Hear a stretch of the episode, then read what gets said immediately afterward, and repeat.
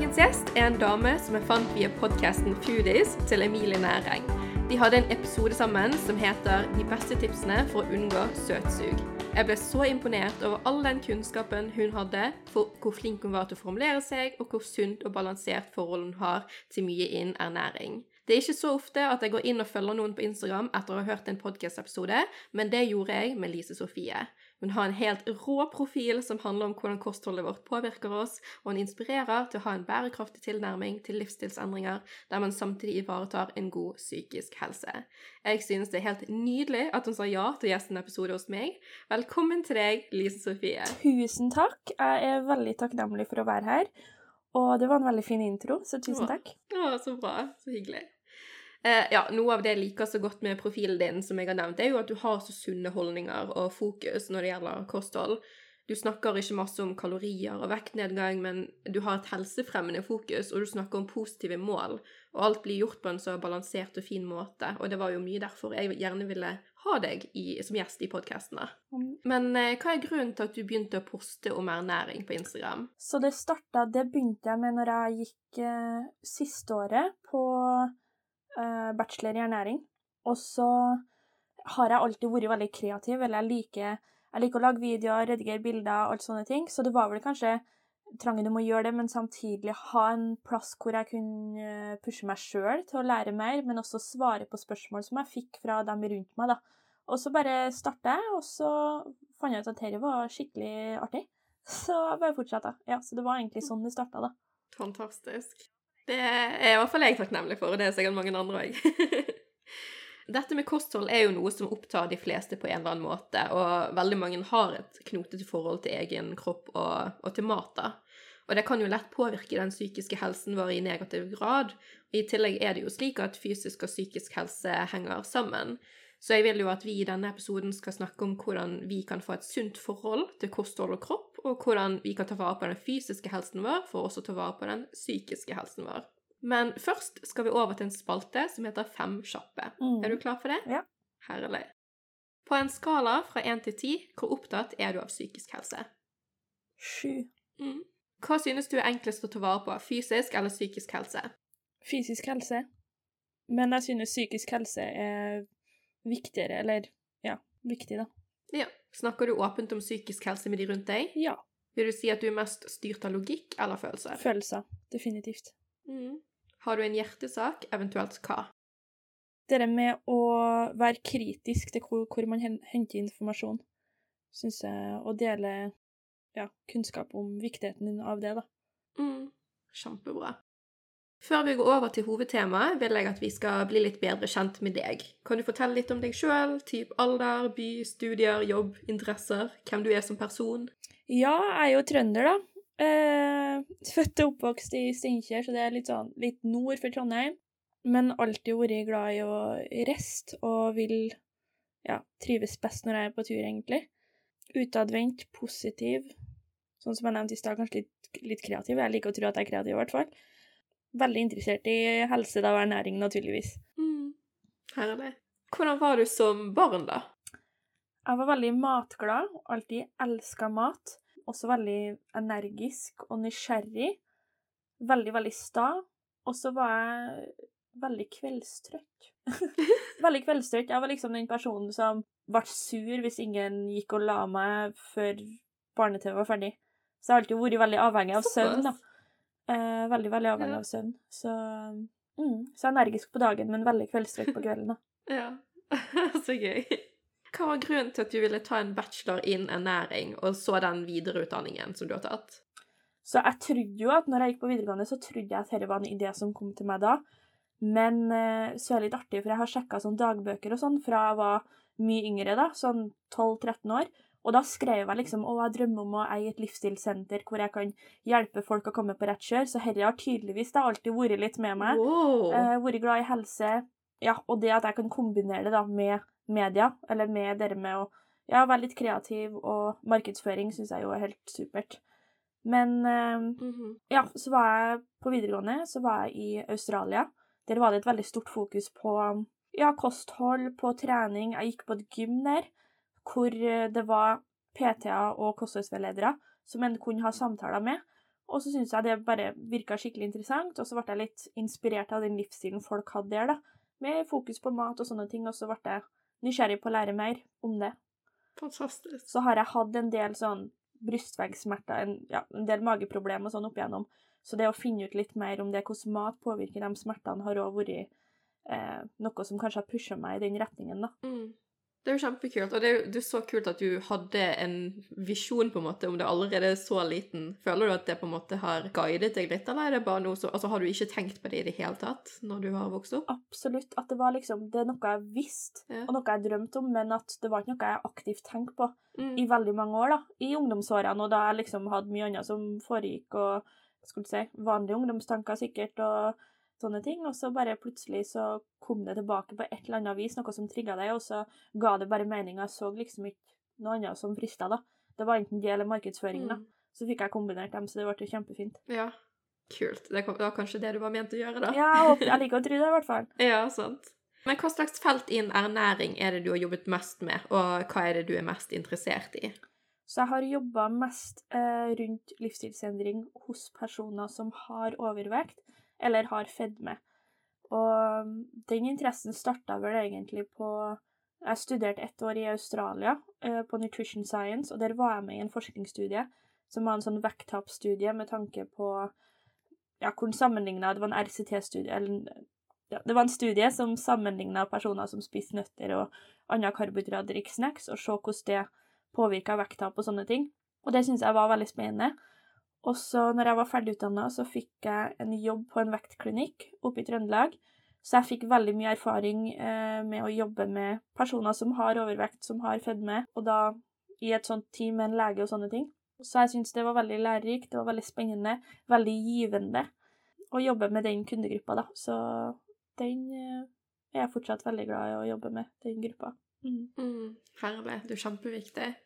Når jeg leser postene dine og ser på storyene dine, så merker jo jeg hvor opptatt du er av at det, av at det du skal dele, skal være forskningsbasert, og det sa jo du òg noe du, som har, du har som hjertesak. Det synes jo jeg er veldig forfriskende, og det er noe jeg setter veldig pris på, siden jeg er litt sånn kunnskapsnerd sjøl. Det gir jo deg økt kredibilitet, men når man skjønner hvorfor man skal spise noe, eller på en viss måte, så er det jo gjerne enklere å finne motivasjon til å gjøre det. Kunnskap er jo makt, som man så klisjé sier. Hva er grunnen din til at du er så opptatt av at det du legger ut, skal være evidensbasert? Jeg tror nok det stammer mye av at jeg har hatt eh, man, lærer, man lærer jo mye på studiet, og jo mer man lærer, så forstår man liksom for det første hvor vanskelig det er å vite det vi vet, og hvor lang vei det er til å vite, og hvordan egentlig studier har bygd opp, da, og ikke minst hvor mye fjas som er ute der, da. Sånne påstander som hives hit og dit, som er så lett å tro på. Og jeg var jo sjøl sånn før jeg studerte at jeg trodde jo å ja, ja, men er det sånn at uh, For å ta et eksempel, da, er det sånn at vi får matsug hvis vi ikke har spist Får vi matsug på salt for at vi ikke har spist nok salt? OK, men da er det sikkert det, ikke sant? At den, det med å ta inn råd, tips, kunnskap uten å tenke seg om, da. Det er jo noe jeg gjorde sjøl, og det er noe uh, som jeg føler folk tar veldig lett på. Så ja, det er vel noe jeg virkelig fikk øynene opp gjennom gjennom studiet da, og gjennom forskningsstudiene som jeg jobba, jobba med som frivillig i, i løpet av den bachelorgraden. da. Mm. Ja, nei, det er jo noe jeg kjenner meg igjen i, at det kan være, være veldig lett for å ta til seg sånne råd. Og, eh, og mye av det handler jo gjerne om at man, man, ikke har lyst til å bruke den energien på å finne ut av hvordan ting egentlig er, sant. Og det er jo ikke alltid jeg orker det heller. Men, eh, men det er derfor jeg setter pris på kontoer som, som din, da, som, der man ikke trenger å på en måte bruke så mye energi på det sjøl, men man kan bare gå til din konto og så se liksom altså, sånn er det og det, og det er basert på denne forskningen. Så det, det syns jeg er kjempekult. Mm. Og så er det jo selvfølgelig at uh, Og viktig å nevne at jeg har jo mine Altså, det er jo litt farga man kan ikke holde det helt bort ifra det blir litt farga av egne syn, egne interesser, sånne ting. Ja, ja, men um, da er det i hvert fall fint at jeg kan vise det, OK, men her har jeg tatt utgangspunkt i. Hvis da det er noe som tar utgangspunkt i en viss studie eller noe sånt, da. Mm. Så kan man velge sjøl om man liksom har lyst til å gå inn og, og se og ja, ta, gjøre sine egne tolkninger, da, på en måte. Mm. Mm. Det er jo også tydelig at du bryr deg om det å ha en balansert tilnærming til kosthold, og du har sjøl sagt at du har mye fokus på mindset. Hvorfor er dette viktig for deg, og har det alltid vært sånn, eller har du sjøl vært der at du ikke hadde denne balansen? Jeg er veldig heldig med at jeg har uh, hatt et ganske sunt forhold til mat sjøl, så jeg er veldig heldig og veldig takknemlig for det. Eh, men det kommer vel mye av denne jobben jeg har vært gjennom, og det med å forstå hva som påvirker våre matvalg. Og det går jo inn mye på psyken, hva vi tenker, hva vi føler, stress, sånne ting. At det er så mye som påvirker, så det med å forenkle det og si at det kun handler om å velge det eller velge det, det, det, det blir så forenkla, da. Så det er nok kanskje det dere med, og det med å se individet, se personen som det den er, sånn at den faktisk kan gjøre endringer hvis det er nødvendig, da, hvis det er det som er øh, målet. Men øh, mm. Mm, så det med å ha litt sånn Se hele mennesket, se hele situasjonen, og så ha med hodet på laget, da, for hvis ikke så er det jo ingenting som varer. Nei, sant. Or, det det syns jeg er så viktig å ha det helhetlige menneskesynet. Og det, det, er liksom Ja, dette med kosthold og eventuelt vektnedgang, det er jo så komplekst. Det er jo så mange faktorer som spiller inn, som du sier. Og det er liksom ikke så enkelt som bare tren mer og spis mindre, nødvendigvis. Det er, det er så utrolig mye som går inn i det. Det er kjempefint å høre at du, at du har det fokuset. Mm. Akkurat det med tren mindre, spis mer. Det er jo en sånn, det er jo en sånn typisk sånn tips som veldig mange hiver ut, da. Eh, både ja. eh, såkalte coacher, eller også til og med leger. Ja, ja, men bare spis mindre, tren mer. Og så blir det så forenkla, og så mm. er det så Litt av problemet da er jo at man føler jo seg så Eller det er så enkelt at personer kan føle seg mislykka, da. Hvis at en tenker at å ja, men det er jo så enkelt, det er jo bare å spise mer og trene mindre, hvorfor får jeg det til når alle andre får det til? Og så er det kanskje ikke det som er grunnen, det er mye annet som ligger bak, da. Så mm. akkurat den settingen, uh, som du sier, uh, altfor forenkla og ja, tenne Jeg skulle si tenne litt på den, med feil ordet, da, men uh, Det er mye vanlig hva du mener. Ja, reagerer jo litt på den. ja, helt enig. Men hva er god helse for deg, da? Hva innebærer det? Det jeg ser på da som et tegn på god helse, det er at når du har lyst til å ta de valgene som er godt for deg, eh, men ja, det med å respektere kroppen sin til å eh, lytte og høre hva den sier, samtidig gjøre det man vet er godt, da.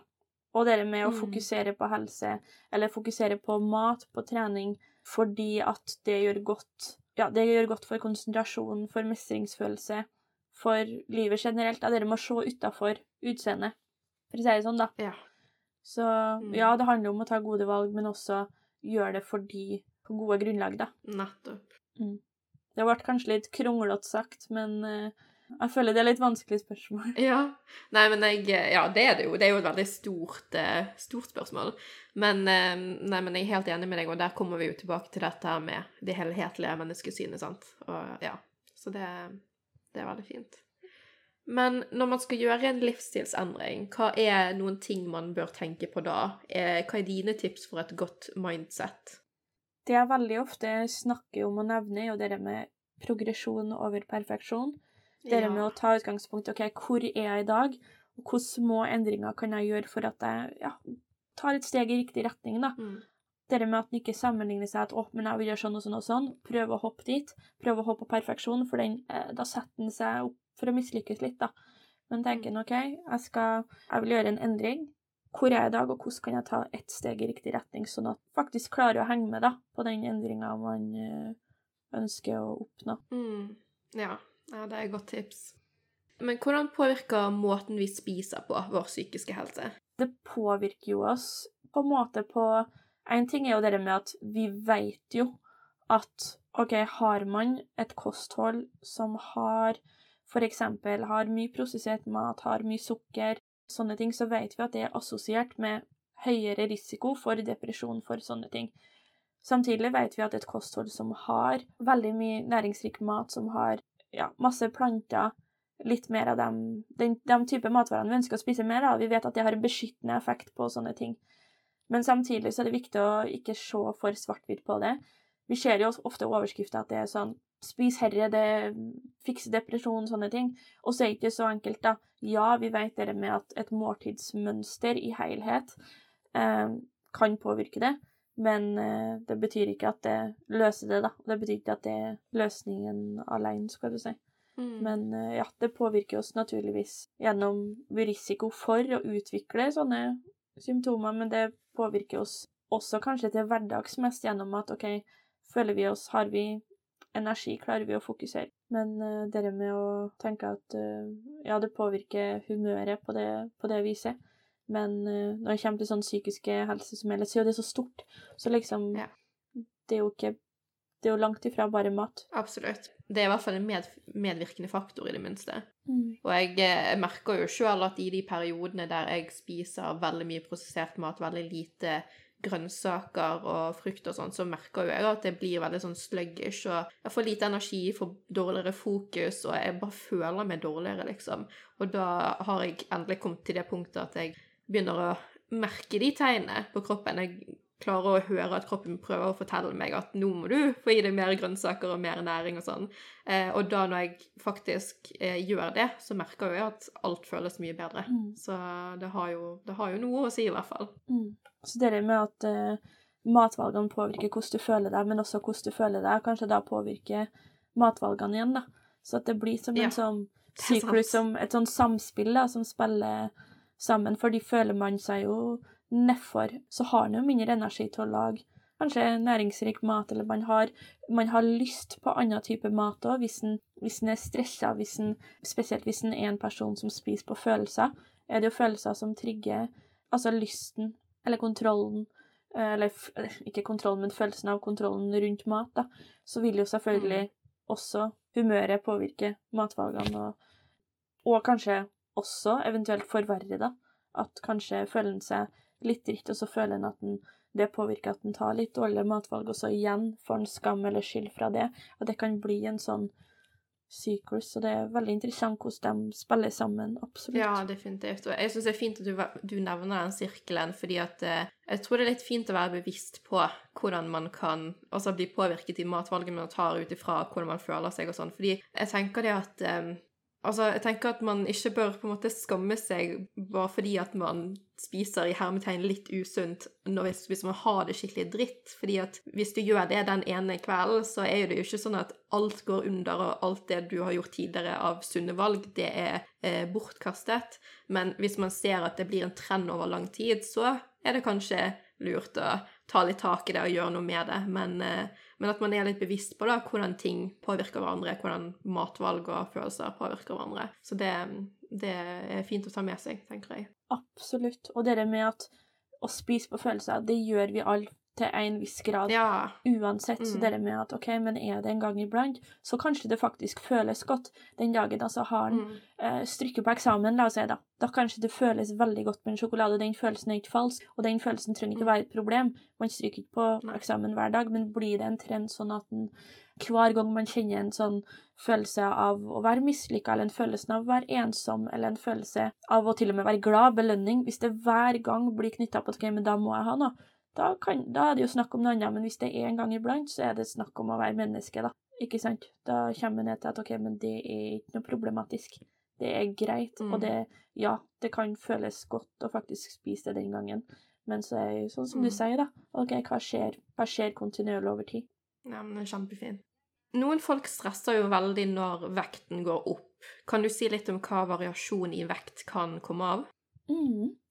Ja, for eh, det er jo spesielt hvis en har et mål om å kanskje redusere kropps, kroppsfasong, så er det veldig å bruke altså, vekt som et mål da, på om en gjør det bra, på om en gjør det dårlig. Og det kan være litt problematisk, spesielt hos oss kvinner, fordi vekt varierer veldig. Det varierer fra hvor hydrert vi er, hvor i syklusen vi er. Vi better mer vann en viss gang i måneden. Har man vært på do, kanskje har han veid seg en dag etter man har vært på do, en annen dag har han veid seg før man har vært på do. Annen ting er jo hvis vi løfter tunge vekter kvelden før, så vil vi også samle mer vann. Og hva vi spiser dagen før, det påvirker vekta vår. Spiser vi mer salt, så better kroppen mer vann. Spiser vi mer karbohydrater, better vi mer vann. Og spesielt det med karbo karbohydrater er jo litt spennende, for at Eller er jo litt greit å være obs på òg, fordi at veldig mange tester liker å leke litt med lavkarbo. Og så kan det føles ut som at oi, dette fungerer veldig veldig bra for meg, jeg raser ned i vekt. Og i starten så er det veldig vanlig å miste til og med opptil to kilo kun i væske. Og jeg sier ikke at lavkarbo ikke kan gjøre at den går ned i vekt. Tvert imot. Noen trives med det, og det er helt greit. Men karbohydrater og salt er som sagt noe som påvirker væskebalansen. Om en går på medisiner. En kan jo gå på ulike medisiner som bettevann òg, som samler væske i kroppen. Så variasjoner i vekt det trenger ikke å ha noe med fett å gjøre. da. Det kan komme av mengde væske vi har i kroppen, rett og slett, og mengde avføring. Hvor mye vi har drukket. Ja, sånne ting. Mm. Ja, det, jeg, tenker det er kjempeviktig å vite, fordi det er, jo, det er jo noen som gjerne veier seg hver eneste dag når de er på en sånn der fitness journey, da, for, for å kalle det det. Og jeg tenker det at eh, for noen som virkelig tar dette her veldig seriøst og skal f.eks. stille i bikini-fitness eller noe sånt, så er det kanskje nødvendig å veie seg hver dag. Men for en, for en eh, altså mann i gaten så er det jo ikke sikkert det er nødvendig. Kanskje det Kanskje man skal veie seg én gang i uken eller én gang i måneden, eller kanskje man ikke skal veie seg i det hele tatt. Kanskje man bare skal på en måte se litt på hvordan klærne passer, og hvordan man føler seg, eller, eller at det ikke skal handle om utseende. Kanskje det heller skal handle om eh, hvordan man føler seg energimessig og sånne ting. Så det Jeg syns det er så viktig å på en måte, for mange, da, eh, gå litt vekk fra det vektfokuset. Men det er jo veldig individuelt, selvfølgelig, alt etter hvilke mål man har og sånn. Så jeg tenker det er viktig å være bevisst på. Ja, du nevner jo veldig mange fine måter å måle progresjon, og det som er synd, er jo hvis man spiser veldig bra, man føler man har tatt gode valg, man føler seg kjenner litt mestring, og så stiller den seg på vekta, så ser den at den går opp, så kan det være litt sånn at den ødelegger det at oi, nå har jeg gjort noe galt, nå har jeg liksom, nå, nå må jeg stramme den enda mer, eller det med å koble det opp mot suksess, og så er ikke det det handler om, for da kanskje man likevel har tatt de gode valgene, da. Og da vil jo et bedre mål være da at OK, har jeg har jeg spist mer grønnsaker? Har jeg blitt flinkere til å lage mer hjemmelaga mat hvis det er noe som er fokus på? Mm. Og hvordan kjennes klærne ut, akkurat som du sier? Det kan jo være et, et fint mål òg, hvis det er en trigger å stå på vekta. Mm. Men jeg vil ikke si at det å veie seg sjøl at det er et problem, men det å gi vekta en sånn moralsk Eller ja, det koble det opp mot en verdi, da. Eller koble det opp mot det suksess eller å feile. Men absolutt det å veie seg hver dag, ikke nødvendig. For der er så mye variasjoner uansett. Ja, nettopp. Og dette, ja, nå var vi jo litt inn på det, men dette med kosthold og fysisk aktivitet handler jo for veldig mange primært om utseende. Hva er din tilnærming til det? Jeg liker jo ikke å fokusere på utseendet i det hele tatt, fordi jeg føler det dreper gleden av det, eh, rett og slett. Mm. Og det betyr jo ikke at alle bør ha et sånt fokus, men jeg syns i hvert fall det er fint å se litt sånn utafor, da. At OK, hvordan føler jeg meg når jeg er i aktivitet? Hvordan føler jeg meg når jeg tar næringsrike matvalg? Eh, hvordan blir jeg som person? Man vil jo gjerne bli den beste versjonen av seg sjøl. Det med å bli mer produktiv, ha mer jevn energi, men også se på seg sjøl som bra nok, da. At OK, bare leiten, leiten, leiter en, leiter en etter endringer på kroppen hele tida, så kan en kanskje aldri bli fornøyd, da, for det er alltid noe som kan endres, det er alltid noe som kan bli bedre. Så det med å måle, eller knytte fokuset opp mot hvordan føles seg, synes i hvert fall jeg er en ganske god tilnærming, da. Mm. Jeg er helt enig, og der kan jo si litt om hvordan, hvordan jeg har på en måte opplevd det tidligere sjøl. For da jeg var yngre, så var jo jeg sånn som mange andre at jeg brydde meg kun om utseendet når det gjaldt eh, dette med, med kosthold og trening og sånne ting. Og jeg følte meg jo veldig ofte mislykket, sånn som du sier, fordi at jeg klarte liksom ikke nå de målene. Jeg ble liksom aldri fornøyd. Og, eh, og så er det sånn typisk sånn, man ser tilbake på gamle bilder, og så tenker man å, jeg var jo egentlig ganske fin da, men på det tidspunktet så følte jeg meg jo ikke fin i det hele tatt. Og etter hvert, når jeg endelig klarte å få det helsefokuset, og få det fokuset på at OK, hvordan er det jeg føler meg, hvordan hva er det som skjer med meg hvis jeg får i meg mer næring? Kan jeg, altså, hva gjør det med meg når jeg kan kjenne på mestring? Eh, når jeg tar gode matvalg, og når jeg trener og sånt. Og bare, bare alle de helsefordelene de gir, da. Liksom, I begynnelsen så tenkte jeg jo at det er, sånn, det er sånn gamle folk tenker på, det med helsefordeler. Sant? At liksom man skal, bli, man skal bli gammel og alt det der. Men, men etter hvert så bare skjønte jeg at eh, Nei, det, det, det, er jo egentlig det det handler om. Det er det som gjør Det som driver meg fremover. Det er det som holder meg motivert, indre motivert. For da, da driver ikke jeg og sammenligner meg med alle rundt meg og det jeg ser på nettet, f.eks. Da, da kommer det innenfra, og da, da, har jeg på en måte gode grunner til å ta gode matvalg og, og trene, f.eks. Det er så nydelig. Og så, sånn som du sier, at det er så fint å kunne ha en sånn umiddelbar effekt òg, at man føler seg Man får jo f.eks. av trening, man får gledeshormon.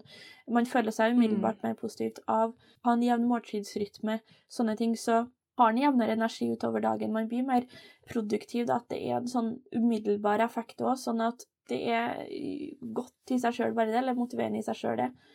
Så det med å jage den, da, da er en jo også mer sannsynlig til å ha ja, det skal ikke jeg si, da, men i hvert fall for min del, min personlige del, hvis at jeg føler meg masse energi, jeg føler meg produktiv, jeg føler meg energisk, at jeg føler meg sosial, så vil jeg òg ha det bedre med meg sjøl, da. Mm, rett og slett. Mm, kjempefint. Og hva er grunnen til at du ikke poster om kalorier og hva du spiser i løpet av en dag? Du har jo snakket litt om dette på Instagram, men jeg ville bare høre deg si det her. Ja, jeg laga jo en post om eh, akkurat det med å At jeg ikke skulle poste hva jeg spiser i løpet av en dag, for det er jo en trend som går rundt. Veldig mange poster sånn og eh, jeg ser sånn ut, jeg har abs, eh, og jeg spiser så mye i løpet av en dag. Ikke sant? Og så eh, Ofte jeg skjønner at det kan være gode intensjoner bak det, men ofte så kan det gjøre mer skade enn godt, da. Og jeg tror òg at man ikke skal ta lett på da hvor stor påvirkningskraft man faktisk har til sårbare individ, da, som kanskje sitter og ikke føler seg bra nok fordi at man ikke kan lage den type maten. Rett og slett den maten som uansett ikke er representativt for den personen som legger ut det, da. Fordi man kan ikke Man kan ikke vite hva, hvordan en persons kosthold ser ut ut ifra en dag. Og tar man også bilde av det, er en obs på at «Oi, dette skal folk se, så er en også mye mer sannsynlig til å spise annerledes. Man tar bedre matvalg. Og hvis en tror at det ikke påvirker inntaket, så tar den feil, skal du si. Men da eh, det blir det blir farger. Og uansett om det hadde vært en typisk dag, så ser ikke en typisk dag ut likt over mange dager. Personlig har jo ingen interesse av at noen skal sitte hjemme der og kjenne på at de føler at de burde ha spist sånn som meg, når jeg har helt andre forutsetninger, da. For eksempel så kan jo ikke sammenligne Man kan ikke sammenligne trebarns alenemor, da. La oss si at vi sammenligner hun som har veldig lite tid, hun har ikke så mye utstyr, hun har kanskje lite støtte rundt seg. Hun har eh, vokst opp med en helt annen type kunnskap, andre erfaringer, har andre preferanse. Og så har du kanskje, ja, meg, da, som har veldig mye tid. Jeg har godt med støtte. Jeg har ingen barn. Jeg har ingen rundt meg sånn sett. Jeg jobber mer, jeg har mye kunnskap, jeg er ekstremt glad i å lage mat. Det blir veldig urettferdig å sammenligne de to scenarioene. Eh, Og da kan det være lett da, å føle at en ikke strekker til, når eh, sannheten er at eh, det er et urealistisk ideal. For å si det sånn. Mhm. Og, Mm. oh, jeg syns det er så fint at du sier det. Og dette her med, med forutsetninger man har, det er veldig viktig å være bevisst på. Fordi, ja, sånn som du sier, ja, dette med barn og dette med tid og, og kunnskap og alt det der, det, det har jo så mye å si i hverdagen. Og nå glemte jeg hva jeg skulle si. ja, nei, men det, det, det er kjempefint. Ja, og dere, ja, dere syns jeg jo er veldig interessant og viktig å ta opp, for det er lett å Det er mye skam, det er mye skyldfølelse rundt dere, spesielt det med å ha overvekt, det med å ha fedme. Og så er det så mange faktorer som spiller inn, da, som mannen i gata ikke veit påvirker, da. Det, det, det er så altfor lett i samfunnet og bare, og ja, ubevisst òg, kanskje tenke eller si kommentarer som er knytta mot utseendet uten å vite noe bak det, og så er det så mange faktorer som spiller inn, som en ikke aner. Alt ifra, ja, sånn som vi snakka om i stad, kunnskap, oppvekst. Vi har jo også gener, hvor privilegert man er, eh, med tanke på budsjett, tilgjengelighet. Ja, det er så mye, da, så Og det, det Mm. føler jeg det er viktig å snakke om òg, hvor komplekst det egentlig er. Ja, nettopp. Og det er jo derfor man må være forsiktig med å sammenligne seg sjøl med andre, fordi at, ja, av alle de forutsetningene som du snakket om. Man har jo ikke peiling på hvordan andre folk egentlig har det, hvordan deres dag egentlig ser ut hver dag og sånt. Så man må på en måte finne sine egne grunner til å gjøre noe, og se på sine egne forutsetninger, så må man bare gjøre det beste ut av sånn som man har det Mm. Absolutt. Absolutt. Og det med å ikke sammenligne seg med altså sitt kapittel 1 med en andre kapittels tid Jeg leste en quote her om dagen, Ja. men det gir, det gir jo ganske mening. Den er fin. Mm. Ja, nei, ja, jeg òg har lest eh, sånn type sitat. sitat? Det handler om at man, eh, man, man har ikke peiling på hva alt, hva alt den personen har gått gjennom, og ja, ja det, det, blir, det blir det samme. Ja, Det er mye gode quotes ute. Det er viktig å være Åh, jeg er så, er på sånne ting, men jeg elsker quotes. Spesielt hvis de treffer Ja. den dagen. liksom sånn, mm. Enig. Men hvordan kan man nå sine mål innen f.eks. vektnedgang, og samtidig opprettholde et sunt fokus og et godt selvbilde? Mm. Hvis det er snakk om å opprettholde, så er det jo én ting. Er det snakk om at uh, Så da er det litt sånn det, Selvfølgelig er det spørs. Jeg kunne ønske at jeg kunne bare gitt ett svar, men altså, har han et veldig ødelagt forhold til mat, så er det veldig greit å tenke på at OK, det med å skille det fra vekttap OK, har han et veldig ødelagt forhold til mat, men vil gå ned i vekt, så kanskje greit å fokusere først bare OK, jeg må reparere mitt forhold til mat først, før jeg kan tenke på vekt. Ta én ting om gangen og ta det viktigste først. For begynner man da å skal fokusere på å gå ned i vekt, og så har han et ødelagt forhold til mat, så kan det ødelegge mer, da. Fordi skal man gå ned i vekt, så må det være noen begrensninger. Man må ligge i et underskudd. Det er sånn vi fungerer. Men samtidig har man et greit forhold til mat. Eh, man vil opprettholde, sånn som du sier, man vil opprettholde et sunt forhold til mat, et godt selvbilde men fortsatt gå ned i vekt, så er det jo masse ting man kan gjøre rundt som snur fokuset litt mer mot det positive, da. Som snur det litt mer mot ja, et helsefokus. Da liker jeg i hvert fall å holde fokuset, og det er jo sånn jeg jobber med alle kundene mine òg. med å fokusere på hva vi skal gjøre mer av, ikke mindre av. Ha et positivt fokus. Okay, hva, For som regel eh, det er veldig lett å tenke at å, men hvis jeg bare kutter ut det og kutter ut det og kutter ut det, kutter ut det, så blir det greit. Men så er det som regel veldig mye som mangler i et kosthold òg, da. Dere må tilsette mer grønnsaker, tilsette mer væske, tilsette mer fisk hvis en spiser det, eller eh, andre, plant, eh, eller andre kilder til proteiner. Så dere må fokusere på å tilsette mer. Det tenker jeg er i hvert fall en veldig fin ting å fokusere på hvis at en ja, har et mål om å gå ned i vekt, men opprettholde et sunt forhold til mat. Mm, jeg er helt enig med deg, og jeg syns det er så fint du nevner dette med positive mål og dette med, med å legge til ting. Det er jo noe jeg har tatt til meg eh, sjøl, og jeg merker jo det at én ting med dette å legge til sunne alle næringsrike ting, er jo at eh, når man gjør det, så blir man jo mett av det, sant? Og da blir det jo på en måte mindre plass til det som er mer næringsfattig. Og det andre er jo det at når du, når du ja, spiser det som er mer næringsrikt. Så det føles jo godt for kroppen, og det vil jo på en måte inspirere deg mest sannsynlig til å ta flere gode valg. Du føler ikke at du straffer deg sjøl, du, du, gjør ikke det fordi at, eh, at, du ikke vil føle deg mislykket, eller fordi det er skam involvert, eller fordi du har et ødelagt forhold til mat eller kropp, men du gjør det fordi du har lyst til å gjøre noe godt for deg sjøl. Og at du, du feirer deg sjøl, på en måte. Så jeg syns det er kjempefint med det fokuset. Mm, kjempefint. Og du, sånn som du nevner, så vil en jo òg være Ja, man vil jo fylle en på, så vil en Det vil òg påvirke matsuget. Det er jo noe jeg er veldig engasjert i, det med matsug, ja. cravings, søtsug. Vil man eh, spise mer regelmessig, man vil fylle på med større måltid, for det er òg en sånn misconception, skal du si, det med at eh, man ofte tenker at å, man bare spiser mindre mat.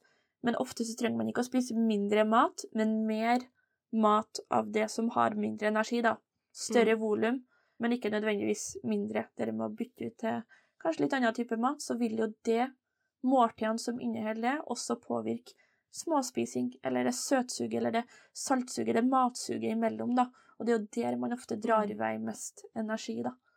Så faktisk kan det å mm. spise mer mat gjøre at en føler seg mer tilfredsstilt, føre til at en spiser mindre mat med mye energi, ja, og dermed være mer sannsynlig til å ligge i et underskudd da, som måte for at den skal gå ned i vekt. Eller gå ned i fett. Ja, og nettopp, og det, det tror jeg er musikk i mangens ører, at de kan spise mer mat, det bare de er litt bevisst på hva slags type mat det er snakk om. Mm. Jeg regner jo med at du har hørt om intuitiv spising, og at eh, det er noe du følger sjøl, eller? Ja, veldig. Jeg er jo som sagt ekstremt matglad, og jeg er også veldig spontan og veldig sånn impulsiv. Alt jeg spiser, det går egentlig inn under at 'å, nå fikk jeg lyst på det'. Men så er jeg jo veldig, jeg er jo veldig glad i å lage mat, og jeg foretrekker jo mat som er godt for meg. Så ja. da blir det veldig enkelt, da. Mm. Men det er ikke så enkelt for alle, da. For å si det sånn, har han en historie med å ha prøvd å gå ned i vekt, har en historie med spiseforstyrrelser, f.eks., så er det veldig, veldig, veldig vanskelig å kunne lytte til hva jeg har lyst på. Hvor mye, hva er nok, ikke sant?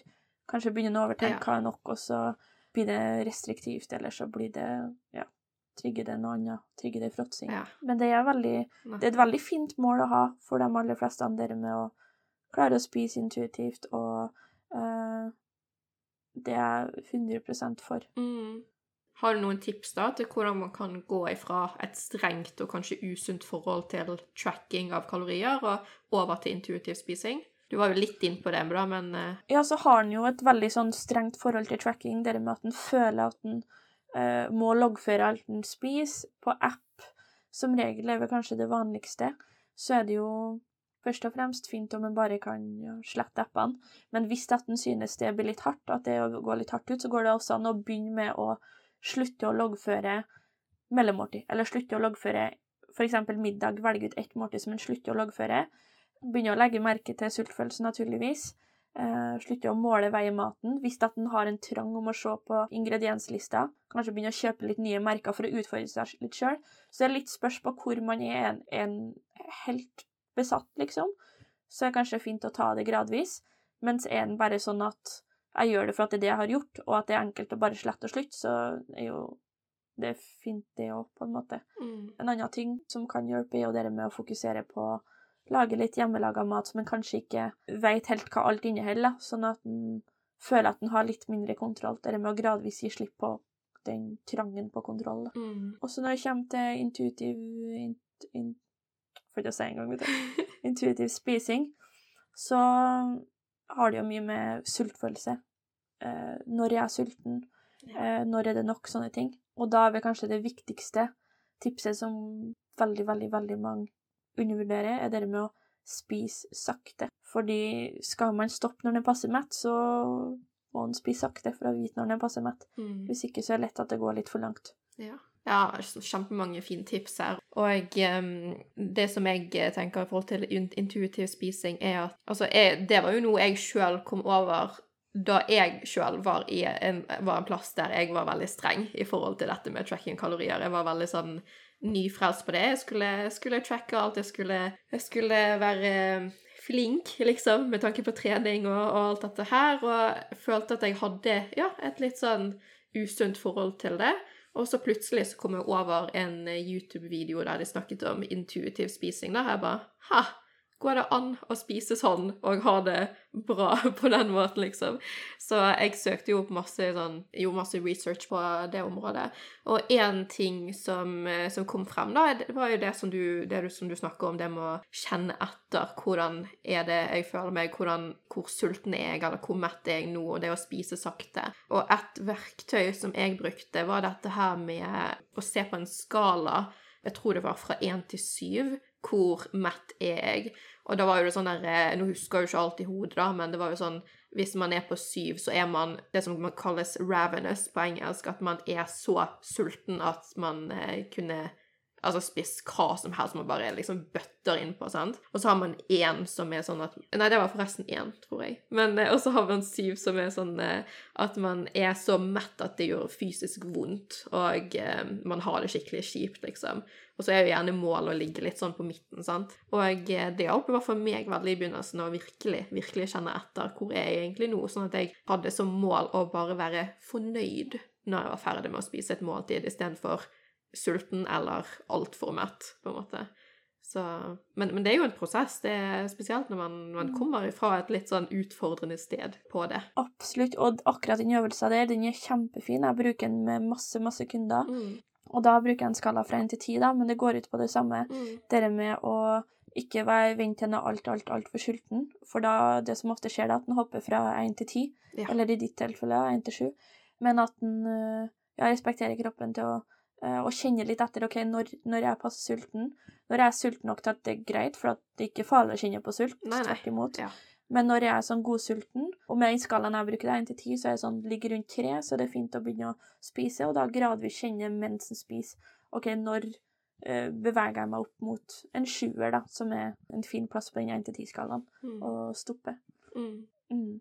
Så den er kjempefin, så det Ja. var veldig artig at du nevnte den, Ja. for den eh, bruker jeg masse med kunder. Ja, Mm. ja, det syns jeg òg er gøy å høre at du, at du bruker den. Og jeg syns også det er morsomt du, at du sier det her med at det ikke er farlig å kjenne seg sulten, for det var faktisk noe jeg hørte da jeg var liten. Da jeg var skikkelig sulten, så, så hørte jeg ja, det er farlig å gå så sulten. Det er bare Hæ, er det det? Så da fikk jo jeg som et mål å aldri gå sulten, sant. Så ja, det, det, det er ikke farlig, men man, man ja, vil jo kanskje ikke bli for sulten, da. Og dere er faktisk så normalt. Er det det? Dere med å ikke kjenne på sult, ja, Ja. dere med å ha en liten frykt for å kjenne på sult, Ja. har jo møtt personer som ikke har kjent sultfølelse på tre år. Og det er ikke unormalt, dere med å alltid ha en trang om å Oi, litt sulten. OK, må, må spise. Jeg vil ikke føle meg sulten. Det er ubehagelig. Det er ekkelt. Ja. Eller at en kanskje fra liten av da, Og det har jo litt med oppvekst å gjøre, da. Mm. Det med at en ikke er vant til at det tar så lang tid mellom måltid eh, at man rekker å føle seg sulten. Mm. Eller hvis det ikke er noe måltidsrytme, at det er litt småspising her og der. At en da alltid er litt mett, på, dem, eller litt eh, Så det med å ikke frykte sult, men ikke ignorere den heller, Mm. en veldig ja, viktig ting da, hvis en Mm. ønsker å spise intuitivt, men også egentlig ja, klare å lytte til kroppen generelt. da. Ja. Det med å ikke bli redd for den følelsen som er så naturlig. Ja, nettopp. Ja, jeg visste ikke at det, var, eh, at det var en greie, men det var veldig interessant å høre. Og, og så vil jo jeg si at dette her med å, med å lytte til kroppen og liksom kjenne på ja, alt det som vi har snakket om nå, da, det er jo noe som man kanskje kan finne ut av eh, sjøl, men det kan være vanskelig og, og hvis man har liksom ja, vært veldig, veldig bevisst på dette med f.eks. kalorier og vært veldig sånn gått imot dette med intuitiv spising gjennom hele livet nesten, så kan det være veldig vanskelig å komme seg til et eh, såkalt sunt og balansert punkt da, når det gjelder det med intuitiv spising. Så hvis man sliter veldig mye med det, så vil jo si at det, det er greit, liksom. Man, man trenger ikke føle på skam rundt det. Og da har man jo sånne folk som deg, da, som kan, kan hjelpe med å veilede på det. Mm. Og da er det jo viktig det med at vi snakka om i stad, progresjon. Mm. Eh, dere må ikke hoppe fra å kanskje ha ikke stole på eh, seg sjøl i det hele tatt, og plutselig skal hoppe til intuitivt. Mm. En annen ting er jo at, som også er veldig normalt, at man kanskje har et mål om å gå ned litt i vekt, og tenker at ok, men svaret kan være å spise intuitivt, og da er det ikke alltid det fungerer sånn, da. Fordi skal en jo ligge i et underskudd, så får en økt sultfølelse. Får en økt sultfølelse, så vil det være eh, vanskelig å kunne lytte til det, men eh, ja, det er jo, det er jo stort, stort tema, så Mm. det du sier, det med å nå ut til andre som kanskje har et fokus på det med å opprettholde et sunt forhold til mat mens en gjør noen endringer i livsstilen, er veldig fint. Og ikke bare meg, eh, men også ja, andre veiledere da, som kanskje har et sånt fokus. Mm. For det er jo mye forskjellige veiledere ute. Mm, enig. Tidligere så har jo jeg sjøl vært sånn at jeg har hatt lett for å snakke om hvor mye ting, ja, kalorier ting inneholder, at jeg ikke kan spise visse ting osv. fordi at jeg sjøl hadde et dårlig selvbilde, eller fordi, sånn som jeg sa, jeg var nyfrelst på dette med å tracke kalorier, eller fordi jeg bare ikke visste bedre. Men nå vet jeg bedre. Jeg vet hvor mye jeg sjøl kan bli påvirket av visse kommentarer, og jeg vet at det kan påvirke andre. Så jeg prøver jo sjøl å avlede fra sånne samtaler, og heller inspirere til et balansert fokus når jeg snakker med andre. Når jeg har lyst til å kose meg med noe som er såkalt usunt, f.eks. en bolle eller en kjeks, så gjør jeg det med god samvittighet nå. Og jeg spør kanskje de rundt meg om de også vil ha. Og da får jeg gjerne kommentarer som Nei, jeg må passe vekten, eller Nei, det har blitt så mye julemat og godteri den siste tiden, nå må jeg skjerpe meg, eller Nei, det er altfor mye kalorier i det der. Eventuelt åh, greit, men jeg må bli flinkere til å spise mindre og sånt snart, og trene mer. Av og til blir jeg sjøl litt trigget av det, men aller mest synes jeg at det er trist at det er så utrolig mange som har et slikt forhold til hva de spiser, til fysisk aktivitet og til kroppen sin. Det er liksom så innprentet i samfunnet at sånn er det bare, og det er nesten forventet at man skal snakke høyt på den måten. Og personlig så syns jeg at det er et problem, da. Hva er dine tanker om dette? Det er jo først og fremst veldig fint at du har på en måte blitt så bevisst på det sjøl, og så har lyst til å påvirke dem rundt deg. Det er kjempe, kjempefint, så jeg deg for det. Mm. Og så det som ofte er rundt sånne kommentarer, er jo at kanskje kommer de ut uten å tenke på at det gjør skade og sånne ting. Men hvis at det fører til at de rundt seg føler seg litt dritt av vekta si, så vet vi med sikkerhet gjennom studier at det er assosiert med at personer som føler seg dritt pga. vekta si, pga. vektstigma, da, som det heter, fører til større matinntak. Det fører til mindre motivasjon til å trene. Det fører til mindre energiforbruk, og det fører til økt depresjon. Så det med å være klar over at ok, måten jeg snakker om mat til dem rundt meg, det kan faktisk gjøre at sårbare individer faktisk blir dårligere, og at de er mindre sannsynlige til å endre. Og det er jo veldig sånn i familier og sånn, så er det veldig, veldig vanlig å legge ut sånne kommentarer om at å, nå har du lagt på deg, eller som òg er direkte på handler om dem, deres kropp, deres utseende. Og da vet vi at sånne kommentarer, altså da vektstigninger, vektstigma, det er da holdninger som virker dømmende overfor personen da, på grunn av hvordan den ser ut. da. Kommentarer rundt det gjør ofte vondt verre. Og dere, sånne kommentarer kan ofte komme ubevisst, det kan komme med en god intensjon. Mm. En intensjon, ja, men jeg vil jo bare hjelpe. Det er jo ofte fra dem vi bryr oss mest om. men vi ikke helt er klar over hvor skadelig det kan være, da. Mm. Så akkurat dere er jo ja, problematisk, og en annen ting er jo at vi håndterer det jo ulikt. For enkelte kan det være en kjempetrigger, for andre så kan det være en påminnelse òg, ja, farsken, kanskje, kanskje jeg har slutta å trene eller gjort det jeg syns er artig, at ikke sant? Mm. At for enkelte blir det som et stigma, men for veldig mange da så blir det, ligger det mye skam rundt det, det ligger mye tanker rundt det sjøl. Mm. Så det å være litt obs kan være fint, da. Men det er, et, det er et vanskelig tema å ta opp spesielt. Og jeg får ofte kommentarer på Nei, spørsmål gjennom Instagram om liksom Og det er veldig mye prat rundt vekt på jobb. Det er veldig mye diettprat, og jeg kjenner sjøl at det liksom påvirker meg, men jeg syns det er vanskelig å ta opp. Og det tror jeg er veldig, veldig normalt. Mm. Og det vet jeg fra sjøl. Jeg har jobba i For eksempel, jeg jobba på vektklinikk, da satt jeg med leger. Det er mye prat rundt deres kosthold, rundt deres slanking, hva de driver med. Eh, og det kan trigge enkelte. Mm. Selvfølgelig ønsker jo mange å påvirke en sånn samtale, men hvis at en sjøl kjenner at en blir påvirka, så er det kanskje det viktigste å jobbe med hvordan klare å ta imot sånne kommentarer rundt mat, eller kanskje ikke kommentarer direkte til seg, for det trenger en ikke ta imot, det kan en Mm. ta opp, liksom, men sånn generelt prat om kosthold, generelt prat om vekt, det kommer alltid til å være der, så det er viktig å ta OK, hvordan, skal jeg ta imot det uten at Eller hvordan kan det være rundt meg, da, Mm. uten at uh, det gjør for stor skade. Men så jeg føler det er litt komplekst, da, for det er jo Mm. selvfølgelig nærmeste venner, nærmeste familie, så er det jo viktig å ta opp, for det er jo dem du bruker mest tid med. Eh, Å være åpen hvis det at en har lyst til å være åpen om hvordan en føler seg sjøl. Ja.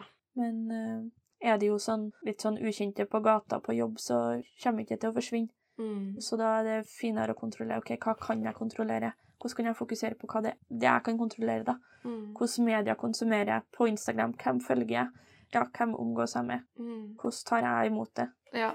Nei, jeg syns det er kjempe, kjempemange fine poenger du tar der, og jeg er helt enig i at man, det kommer helt an på hvem det er snakk om, hvor nær de relasjonene er. Eh, Jeg kan jo si at jeg sjøl har tatt opp de tingene med noen av mine nærmeste og liksom sagt at du, jeg blir påvirket av dette her. Kan vi ikke ha denne typen fokus? Kan vi ikke eh, snakke på denne måten rundt kropp og, og mat og sånt? Og da har jeg opplevd at det har blitt tatt eh, godt imot, for det har bare vært eh, mangel på kunnskap eller bevissthet rundt det, rett og slett. Og det har vært gode intensjoner. Eh, men som du sier, når det gjelder f.eks. på jobb, eller hvis det er sånn ja, sånn veldig sånn casual setting, da, så er det jo man, man kan liksom ikke si til alle at du det der trigger meg, kan du slutte? sant? Det kommer alltid til å være der, som du sier, men, eh, men eh, der gjør i hvert fall jeg to ting. Det ene er jo at jeg prøver å vinkle det over til noe positivt, eller at jeg eh, bare er stille hvis det ikke er en samtale direkte med meg, da. At jeg bare feeder ikke den samtalen og bare holder på med mitt, men at det bare går, liksom. Fordi jeg, eh, jeg tror det er bare ofte mangel på kunnskap eller bevissthet rundt det, at man, man har gode intensjoner, egentlig, men eh, man vet jo ikke hvordan det påvirker andre. Kjempefine tips dere du tar opp der, da. Dere med å distansere seg fra det, eller eventuelt, eh, som du sa først, å Det med å vinkle det over. ja, enten distansere seg eller vinkle det over mot noe positivt, ja. Mm. Dere må snu fokuset. Kjempefine tips. Mm. Så det er nok eh, sikkert noen heimer som kan ta med seg. Mm. Til slutt, har du noen andre oppfordringer eller tips til folk som vil ha en sunnere og mer balansert tilnærming til kosthold og helse? Det viktigste er vel kanskje dere har nevnt. Dere går for progresjon, ikke perfeksjon. Mm. Ikke mål din progresjon med noen annen sin målestokk. Og begrensninger over restriksjoner, da. Ja. Kanskje jeg skulle utdype den siste, for at eh, Eller sier det seg sjøl, begrensninger over restriksjoner er noe jeg nevner veldig ofte. Mm. Ja, det handler jo egentlig om å At det ikke finnes noe mat man ikke kan spise. Ja. Men det handler om mengde, da. At ja, man kan begrense mengde, man kan begrense type, hvor ofte man spiser det, men man trenger ikke å kutte det helt ut. Um, Det er ikke nei-mat. mm. Ja, men ja. Kjempefine takeaways. Det, det, det er fint å ta med seg. Det tenker jeg var en fin måte å avslutte på. Hvor er det vi kan finne deg? Jeg har jo en Instagram, Lise Sofies, Mm. Og så har jeg TikTok, Lise Sofie Nutrition. Mm. Og så har jeg en nettside, lisesofie.com, og så har jeg også slått meg sammen med uh, Maria Klausen og Emilie Næring, og vi har skapa noe som heter Lev Nutrition. Så lev-nutrition.com finner du mer informasjon om oss og kostholdsveiledninga vi har med dette helhetlige fokuset, da. Mm. Mm. Det er jo kjempekult at du, du finnes på så mange plattformer, og jeg, jeg vil anbefale alle å gå inn og sjekke alt ut, både, både Instagram og nettsiden og alt mulig. Det er utrolig mye bra info, og det kan være en fin støtte hvis man er på en, en litt sånn utfordrende reise sjøl. Så det er kjempefint. Tusen takk, Lise Sofie, for at du ville gjeste podkasten. Det har vært en ære, og jeg er så glad for at jeg fikk muligheten til å bli enda bedre kjent med deg, og for all den kunnskapen som du nå har delt med meg og de som hører på. da. Eh, Det er veldig mange fine takeaways her, tenker jeg. Hva syns du sjøl? Tusen takk først og fremst. Så må jeg bare si at jeg er veldig takknemlig for at jeg fikk eh, være gjest på podkasten din. Veldig supert å være gjest i noen som er så åpen. Du deler mye av deg sjøl, og ja, det tror jeg er egentlig viktig, da, at folk kan kjenne seg igjen i de historiene du deler. Så tusen takk, og håper du vet at du gjør en viktig jobb. Å, nå ble jeg rørt. Takk. Ja. Og så vil jeg takke deg som hørte på.